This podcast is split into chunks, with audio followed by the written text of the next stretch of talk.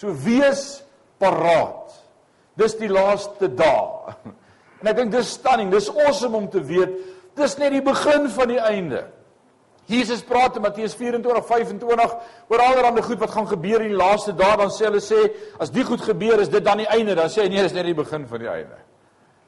So daar's nog 'n daar's nog 'n tyd wat moet aanbreek. Daar's goed wat moet gebeur. En ek sê weer wat ek gesê het toe ek die reeks Openbaring gepreek het en as jy dit gemis het, gaan gerus SoundCloud toe of uh, YouTube toe en gaan Google Openbaring, vra my vir die link.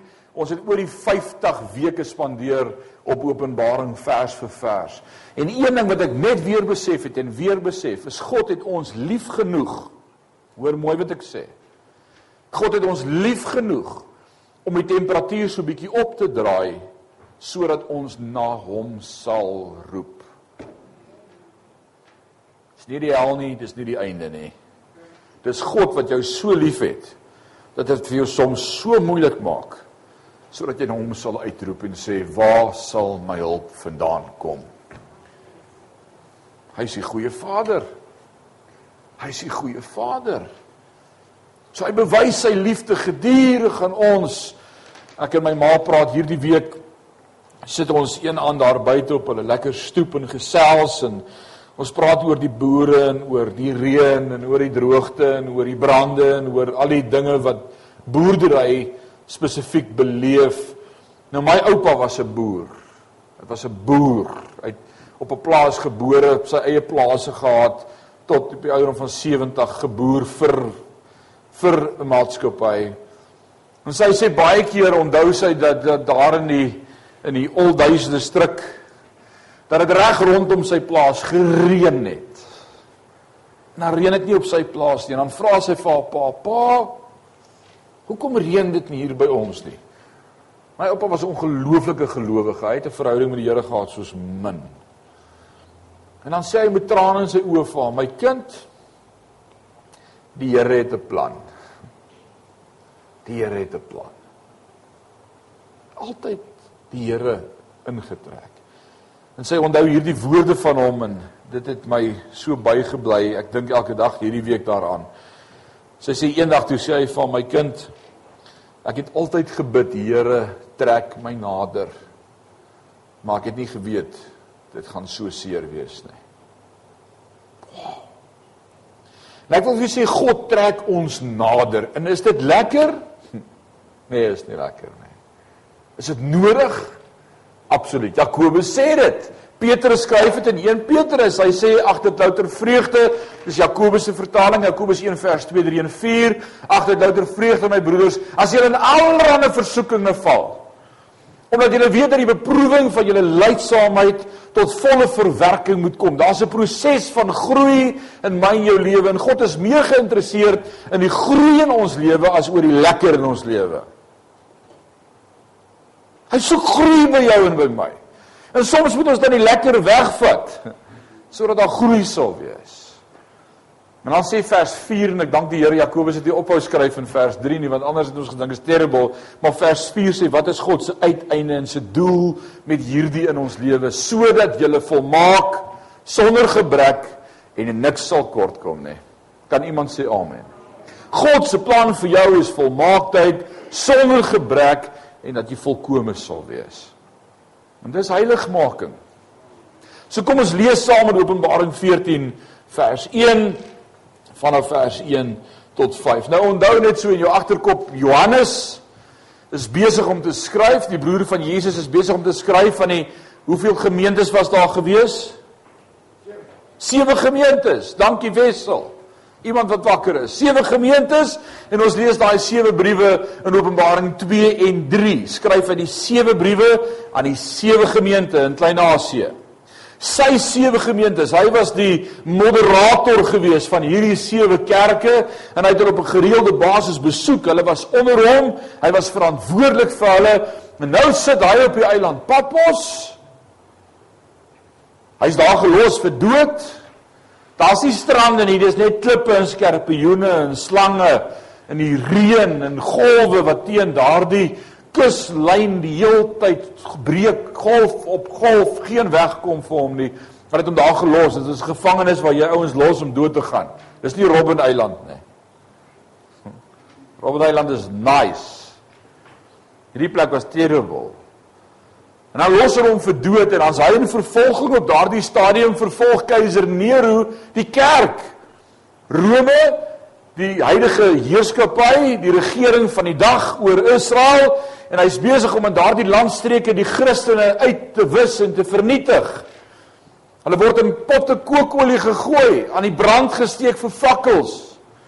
Keiser Nero was so van sy trollie af en regtig hy was dat hy hierdie Christene wat dan in potte kookolie gedoop is aan die brand gesteek het soos fakkels in sy paleis se tuin en dan hy poedel nakend op sy perdekar op en af gejaag in die nag en op hierdie fakkels geskree brand julle Christene brand. Julle sê mos julle is die lig van die wêreld. Terrible vervolging wat hulle gehad het. Malema is 'n filletjie En in daardie situasie, in daardie vervolging, is daar nie 'n oproep vir die volk om om hulle gewere bymekaar te maak nie. Inteendeel, as Johannes vir hierdie volk skryf, dan sê hy sorg dat jy reg is met die Here. Kom op die plek in jou verhouding met die Here waar jy moet wees. Daar's hoop. God kom ons haal. Daar's die ewigheid wat vir ons voorlê, die hemel. En ek sê dit altyd, daar was 'n spreekwoord gewees wat sê are too heavenly minded to be earthly any good. Wie van julle ken daardie spreekwoord? Ooh, he's too heavenly minded. Ek wil vanmôre vir jou sê you can't be earthly of any good if you are not heavenly minded. As jy nie jou fokus en jou visie op die hemel en die ewigheid hou nie, gaan jy vir hierdie ouens om jou niks beteken nie. Jy gaan 'n stresbol wees. Jy gaan worry dag en nag, angsaanvalle, hartpalpitasies nagsweet, soeibrand. Want ek het opwen, dit klink soos 'n dokter. Nee. Soek allereers die koninkryk van God en sy geregtigheid. So kom ons lees saam en ons hou dit in gedagte as ons in Openbaring lees vanmôre. Openbaring 14 vanaf vers 1. En ek het gesien, dis Johannes wat skryf. En kyk, die lam hoofletter, wie's die lam? Jesus Christus, the lamb slain from the foundations of the earth. Die lam staan op die berg Sion. Nou waar kom Sion vandaan? Wat beteken Sion? Ons gemeente se naam is Sion. Dit beteken plek van God. Dis 'n berg in Jerusalem. Dis die berggedeelte van Jerusalem, Sion gedeelte. Dawid het daar ook sy huis gehad op die Sionsberg en hy het gesê dis waar God, hier moet God geprys word en geloof word. Dis waar God woon. Bly God net in Sion? Nee, Maar dis hoe dit vir hulle gevoel het. Alraight. Nou wat skryf hy? Hy sê die lam staan op die berg Sion en saam met hom 144000 met sy naam en die naam van sy Vader op hulle voorhoofde geskrywe. En ek het 'n geluid uit die hemel gehoor soos die geluid van baie waters en soos die geluid van 'n harde donderslag. En ek het die geluid gehoor van siterspelers wat speel op hulle siters en hulle het 'n nuwe lied 'n nuwe lied gesing voor die troon en voor die vier lewende wesens en die ouderlinge. En niemand kon die lied leer nie behalwe die 144000 wat op die aarde vrygekoop is. Dit is hulle wat hulle self met vroue nie besoedel het nie want hulle is maagdelik rein. Dit is hulle wat die lam volg waar hy ook heen gaan Dit is hulle wat gekoop is uit die mense as eerstelinge vir God en die lam en in hulle mond is daar geen bedrog gevind nie want hulle is sonder gebrek voor die troon van God. Nou as ons sê 144000 dan is daar 'n paar vrae wat dalk vanmôre by jou moet opkom. Die eerste een is dalk dat daar in ons eie dorp is daar so 'n kerkgenootskap of so 'n geloofsgroep eh, wat noem hulle self? Hulle glo in die 144000 uitverkorenes. Die Jehovah se getuies. Tannie van Kastrop, Tannie Joyce, lekker om jou te sien vanmôre.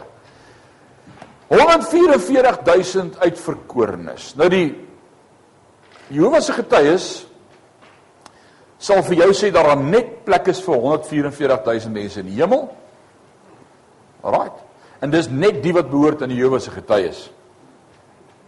Nou ek het 'n paar probleme hiermee. In die eerste een Almal van die Joodse getuies op hierdie stadium op die aarde is gebore. En hulle is gebore uit 'n verhouding tussen 'n man en 'n vrou. En hierdie 144000 waarvan Openbaring praat, was mense wat hulle seksueel rein gehou het en nie met vrouens omgang gehad het nie. Lees jy dit in die Bybel? Staan dit in jou Bybel? Alraai. So dit kan nie die Joodse getuies wees nie, dit kan nie een van hulle wees nie. Die tweede plek het hulle hulle self al getel. Hulle is baie meer as 144000 oor die aarde. So hulle het sommer net op hulle eie groot moeilikheid. Want hoe gaan hulle besluit wat die een maak het en wat die een nie? So hierdie 144000 is nie hoeveel hemel toe gaan of hoeveel plek in die hemel is nie, ouens. Dit het niks daarmee uit te waai nie.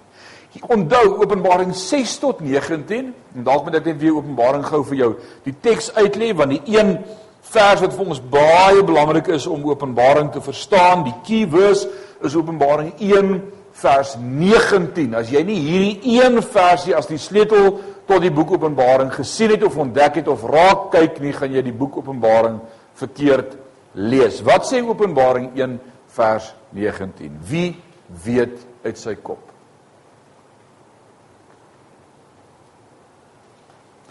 As ek dan by die hoërskool was het ek gesê hierdie is so R50 vraag. Dalk gaan iemand dan antwoord. Wat sê julle? Wat staan in Openbaring 1 vers 19? Wie het gekyk? Dion, jy het gekyk. En skryf hierdie dinge. Dit wat is, dit wat was en dit wat sal wees. Alraai, dis die volgorde tot die boek Openbaring. Openbaring 1 gaan oor dit wat is van die begin af. Jesus, die lam van God. Openbaring 1 beskryf hom as die seun van God. Verrousies vuur uit sy oë. Waters uit sy stem. Voete van koper. Wit soos wol. Hy beskryf die seun van God. Openbaring 2 en 3 gaan oor die kerk. Sewe dispensasies sewe era in kerkgeskiedenis. En ek glo ons is nou die sewende gemeente die laaste dispensasie voor die koms van Jesus So as jy wil weet hoe lyk die kerk van vandag, gaan lees die sewende brief aan die sewende gemeente in Openbaring 3 se einde en jy gaan sien dis hoe die kerk vandag lyk globally, internationally. Dis hoe hy lyk.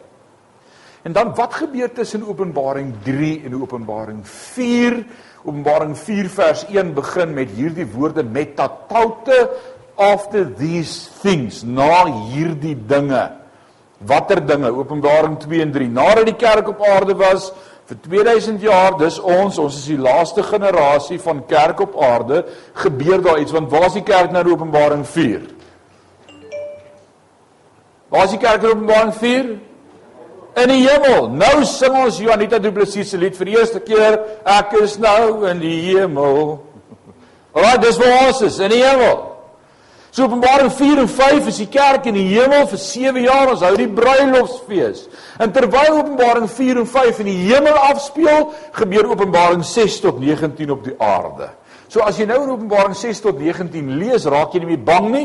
Jy neem net kennis van wat gaan gebeur op die aarde. Waar's ons in die hemel? Openbaring sê Jesus self in een van die gemeentes, hy sê omdat jy my woord bewaar het, sal ek jou bewaar in die uur van beproewing wat oor die hele aarde sal kom. Ek gaan jou wegsteek veilig by my. So moenie bekom wees bekommerd wees vir beproewing nie. Moenie bekommerd wees vir ooh, wat gaan gebeur? Het ek genoeg petrol in vir die generator en geneem man. Nee, God het ons nie 'n gees van bangheid gegee nie. Hy's met ons. Hy het 'n plan vir ons, alraait? Jy moet dit weet, anders gaan jy heeltemal van jou trollie afraak. So dis belangrik om dit te verstaan. So as Johannes hierdie gedeelte skryf en praat van die 144000 Jode, dan wil ek sê dis Jode wat in die groot verdrukking, want onthou dis die 70ste week van Daniël, wat beteken dit? Dit beteken daar was 'n profesie deur Daniël gegee van 70 weke spesifiek met betrekking tot Israel. 69 weke. Nou 'n week is 'n heptet of 7 jaar tydperk. In profesie is een Bybelweek een tydperk van 7 jaar, 'n heptet. En hierdie profesie het al oor 69 groepies van 7 jaar presies tot vervulling gekom. Maar nou praat ons van die 70ste week van Daniël. Ons praat ook van the the the week of Jacob's trouble. Die 70ste week. Die groot verdrukking wat God homself in die groot verdrukking aan Israel gaan identifiseer en hulle gaan glo. So in die groot verdrukking wanneer ons in die hemel is en al die hel op aarde losbars en die anti-kris geopenbaar word en ons nie meer hier is nie en die merk van die dier dan eers gaan tel ons is nie hier nie. Is nie die inenting teen coronavirus nie. Right maar nie steur na alles wat jy lees nie God het 'n plan en hy is in beheer vertrou hom net hy weet wat hy doen jy hoef nie besluite te maak nie is dit right Vra net die Here, hy sal jou mooi leer. So as die kerk weg is, Tessalonisense sê totdat hy wat die anti-kris teehou uit die weg geruim is, dis ons die kerk. As ons as die kerk eers weg is, kan die anti-kris eers geopenbaar word. So moet ook nie eers probeer uitvind wie die anti-kris nie. Lees eerder die Bybel. Dis baie belangriker. Die anti-kris word eers geopenbaar nadat die kerk weg is En dan hoor ek regtig nie wat hier gebeur nie. Maar in daai 7 jaar tydperk aan die anti-kris geopenbaar en hy regeer en is vrede in Jerusalem en dan kom hierdie een wêreld geldstelsel en een wêreldorde en al hierdie goed in daai tydperk is daar Jode wat se oë gaan oopgaan vir die Messias. En hulle gaan glo en dis hierdie 144000 waarvan Jakobus ag Johannes hier skryf 144000 Wat wil ek vanmôre uit hierdie gedeelte uit met jou deel? Die toepassing. Wat wil ek hê met jou met hierdie vers en hierdie week doen? Wat glo ek vanmôre is God se boodskap selfs uit hierdie middel van die groot verdrukking uit vir jou en vir my vanmôre? 'n Paar punte. 6. Punt nommer 1. Ek lees daar staan en die naam van sy vader is op hulle voorhoofde geskrywe. Ek wil gou 6 punte vanmôre uit hierdie 144000 uit se lewe met jou deel en vir jou sê hierdie is 'n tyd van heiligmaking vir die kerk. Hierdie is 'n tyd wanneer ek en jy moet groei en al hoe meer en meer deel met sonde, klaar kry met sonde, lyk soos die bruid van Christus want hy kom terug een van die dae. En sal daar nog sulke geloof op die aarde wees vra Jesus wanneer die seun van die mens terugkom na die aarde. En hy praat oor die vroutjie, die weduwee wat aanhoudend geroep het en gepraat het met die onregverdige regter en gesê het: "Doen goed aan my, doen goed aan my." En dan sê die skrif omdat die regter bang was dat sy hom naderhand 'n vuis in die gesig gaan gee omdat hy nie vir haar wil doen wat sy vra en het hy uiteindelik ingegee. Maar dan vra Jesus die laaste versie van daai gedeelte: "Sal die seun van die mens sulke geloof vind op die aarde as hy terugkom?" Wat 'n geloof? geloof wat aanhou glo en aanhou vra en aanhou bid. Geloof. So die eerste een wat ek vanmôre hier lees is en sy naam van hy Vader is op hulle voorhoofde geskrywe. Die toepassing, die vraag 1 vir jou vanmôre is is God konstant in jou gedagtes?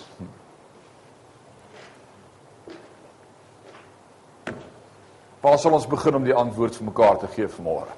sal ons op die ry afgaan. Wil jy moet hoor wat ek sê, is God konstant in jou gedagtes? En as daar dan goed is wat maak dat God nie konstant in jou gedagtes is nie, met ander woorde, ander goed waarmee ek besig is. Goed wat my saai trek. Dan moet ek vanmôre vir die Here vra, help my. Ek dink dis wat ons vanmôre vir mekaar sê is God moet altyd in jou gedagtes wees. Joshua sê toe die profeet met hom praat, hoe sê hy eet hierdie wetboek en laat dit nie uit jou gedagtes uit weggaan nie. Maar oordink die wet van die Here dag en nag. Is jy elke oomblik God gefokus in jou lewe? Dan wil ek jou vra vanmôre, wat side track jou. Dan wil ek die voorstel maak. Sit dit af. As dit jou Facebook profiel is, exit and leave. As dit vir jou WhatsApp is, moenie meer vra WhatsApp nie. Exit, delete.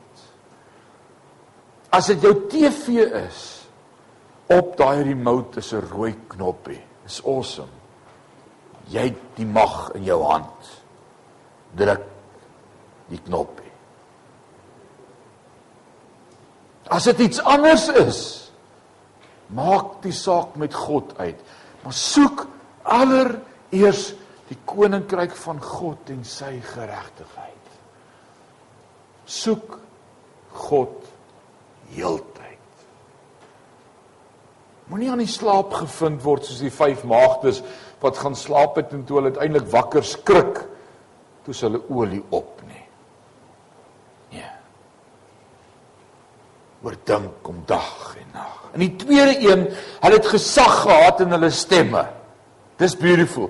Die woord sê in vers 2 en ek het die geluid van die hemel gehoor soos die geluid van baie water soos die geluid van 'n harde donderslag.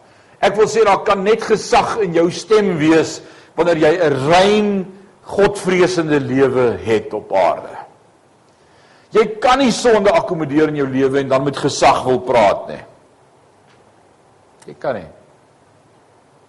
Jy kan nie duiwels wil uitdryf as daar dinge in jou lewe is waarmee jy jou besig hou en die duiwel akkommodeer nie. Want die duiwel kan nie op homself draai nie. Kan nie. Kom op die plek in jou lewe wat jy ook gesag in jou stem het.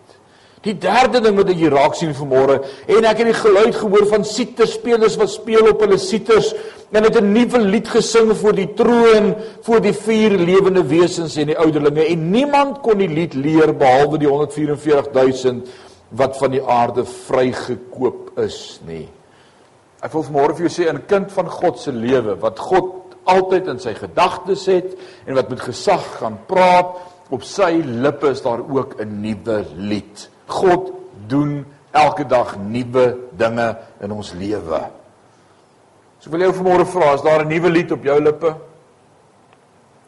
As ek vanmôre vir jou gaan vra wat het die Here vir jou gedoen, gaan jy sê, "Haai, Jesus, like ek moet daarom net getuig uh toe ek 2 jaar oud was in 1953." Wil jy vir my sê dis die laaste keer wat die Here vir jou iets gedoen het? Rarig. Wanneer laas het God vir jou iets gedoen? Jy niks om oor dankie te sê nie. Is, is, is daar niks? Wat's nuut in jou lewe? God doen nuwe dinge aan ons elke dag. Wie kan sê amen? Dankie, daar's daarom amen. Ek dog aan preek vir die verkeerde gehoor vanmôre. Nuwe dinge. God doen nuwe dinge. Die vierde ding wat ek vanmôre vir jou wil sê is, hulle volg die lam net waar hy heen gaan. Die woord sê dit is hulle wat die lam volg waar ook al hy heen gaan.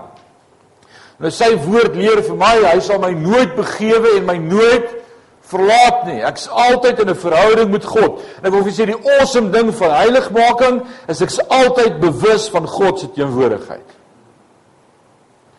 So as iemand vir my sê, "Jog, ek beleef nie die Here nie, ek ervaar nie die Here nie. Hy praat nooit met my nie. Ek weet nie hoe kan ek hom beleef nie." Dan wil ek 'n groot vraagteken vanmôre sit en sê, "Maak erns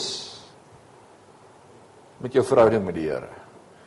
Want ek wil vanmôre vir jou sê, as jy op 'n plek is in jou verhouding met die Here waar hy jou vriend is en jou verlosser en jou saligmaker, beleef jy hom elke dag. Ons het Vrydag wat verby is, oordenking nommer 58. Was dit 58, Jacques? Oordenking 58 van ons huidige reeks beleef God.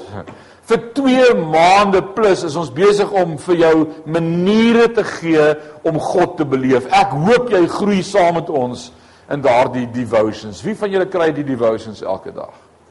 Great. As jy dit nie kry nie en jy wil dit hê want elke dag stuur ons 'n dagstukkie uit. En hierdie jaar is ons nog besig met maniere om God te beleef. En ek wil vir sê elke keer as ek daardie opname moet maak, is ek van vooraf bewus van God se teenwoordigheid en ek sê net vir die Here dankie dat daar soveel maniere is om U te beleef. Dankie dat daar nie net een manier is nie, daar's honderde maniere om God te beleef. Honderde. So groei saam met ons en as jy dit nog nie kry nie, praat met Jock by die kerkkantoor of kyk op my WhatsApp status. Ons sit daar 'n link op, klik op die link en add jouself op die groep en kry elke oggend die oordeenking as ons elke dag begin in die naam van ons verlosser en saligmaker. Rede 5, die vyfde ding wat ek hieruit sien vanmôre as ek met jou praat oor heiligmaking is wat noem God hulle? Die woord sê dit is hulle wat gekoop is uit die mense as eerstelinge vir God en die lam. Nou die eerstelinge beteken die beste van die bestes. The first fruit. Die eerste ene. Dit is sommer interessant vir môre as ons praat oor eerstelinge en hoe die hoe die geneigtheid was en en wat God sy volk geleer het, dan is dit wanneer 'n boer beeste het en die eerste eerste vers of billetjie word gebore, dan is daai eerste een God se. En dan die volgende 9 kon ek vir myself gehou het. Die eerste een behoort aan die Here. Die eerste graan wat van die land af ingekom het, het aan God behoort. Die eerste ton behoort aan die Here, die ander 9 ton kon ek vir my gebeer het. Die 11de ton is die Here se, ton 12 tot 20 behoort weer aan my. Die eerste een behoort aan die Here. Die eerste seun wat in 'n huis gebore het, was die eerstgeborene, het aan God behoort. Daar was dit vir Israel nie snaaks met die 10 plaae toe die toe die 10de plaag was die sterwe van die eerstgeborenes. Dis God het kom haal wat aan hom behoort het, hulle syne. Maar daar was 'n opsie van bloed aan die deurposte. En toe die verdelwer verbygegaan, onthou julle. Maar die eersteling behoort aan die Here. Die eersteling van elke geslag wat gebore is, was God se profeet. Abraham, Isak. En toe kom doen God 'n ding wat Romeine 10 vir ons kom leer God kan doen net wat hy wil want eintlik moes dit Esau gewees het, maar God sê ek het Jakob gekies. Dis awesome hoe God werk. Niemand kan vir God sê hoe moet hy werk nie. Maar ek wil vanmôre vir jou sê jy's God se eersteling, is hy eerste in jou lewe. Jesus gee my en jou die geleentheid om vir die dier, die anti-kris, die duiwel te kan nee sê. En ek wil sê die enigste rede of die manier hoe ek en jy die duiwel kan veg is met die kruis van Christus in ons lewe. Die bloed aan die deurposte aan my hartskamers. Ek behoort aan koning Jesus. Daardie pragtige lied wat ons sing, sê my enigste troos in lewe en dood is dat ek aan Jesus Christus behoort. Deur sy kosbare bloed het hy my vrygekoop. Hy's my anker, my vaste hoop. Ek behoort nou aan Jesus. Niks sal my ooit van hom kan skei. Deur sy kosbare bloed het hy my vrygekoop. Hy's my anker, my vaste hoop. Is hy jou anker vanmôre? Ek hoop so, ek glo so. En dan die 6de en die laaste punt vanmôre wat ek vir julle wil voorhou is en in hulle mond vers 5 is daar geen bedrog gevind nie. Daai woordjie bedrog kan ook vertaal word as die woord bitterheid. Bitterheid of bedrog, valsheid. Alles wat hulle gepraat het was suiwer God se woord, God behaag niemand afgeskiet nie, bitter gewees teenoor niks en niemand nie, nie leuns verkondig nie, maar aan God behoort. Wat is die boodskap wat ek vanmôre vir jou hier uit wil voorhou vir ons, vir Sion, vir die kerk, vir elke wedergebore kind van God? Leef heilig. Leef heilig. Kry klaar met sonde. As daar sondige gewoontes in jou lewe is, vra die Here om jou te help om daarmee te deel. Kry klaar daarmee. Kry klaar daarmee. Los die twak man. Dis nie lekker as jy 'n maskers op het in die kerk nie. Ek kan nie sien as jy 'n smile of nie smile nie of frons of Ek sien net 'n klomp gesigte. Ek wil môre vir julle sê kry klaar met die twak. Kry klaar met die nietighede van hierdie lewe. Kry klaar met al die goed wat jou so besig hou dat jy nie jou tyd vir God kan gee nie en raak bewus van sy teenwoordigheid. Van 'n slegs in 'n verhouding waar ek die hele tyd konstant bewus is van sy teenwoordigheid dat God my kan gebruik om ook vir ander iets te doen. Ons sing hy liedjie wat sê doen slegs u wil Heer u wil met my u pottebakker met my die klei. Vorm my en maak my net soos u wil. Wagtend bly.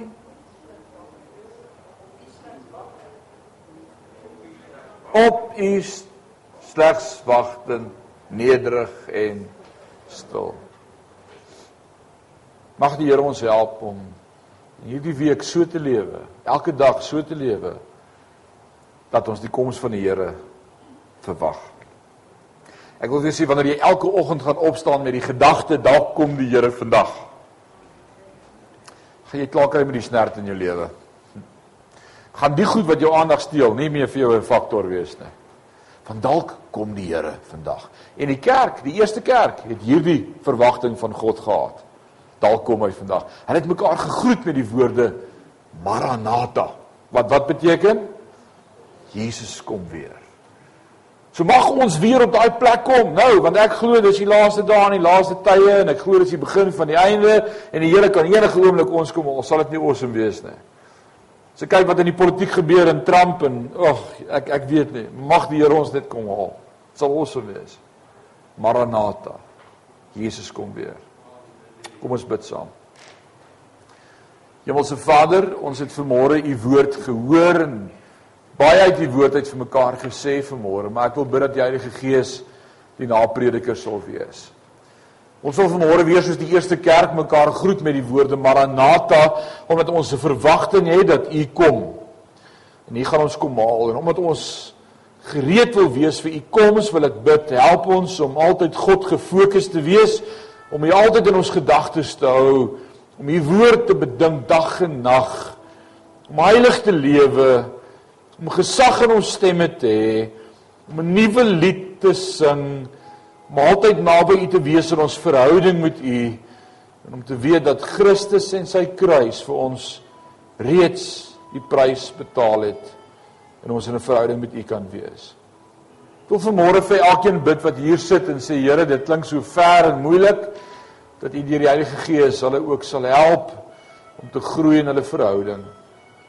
Maar al die klein dingetjies wat ons verhouding met U skade berokken uit ons lewe te verwyder sodat ons heilig sal wees. Holy set aside for the king of glory. Ons sê vir U dankie daarvoor, Vader.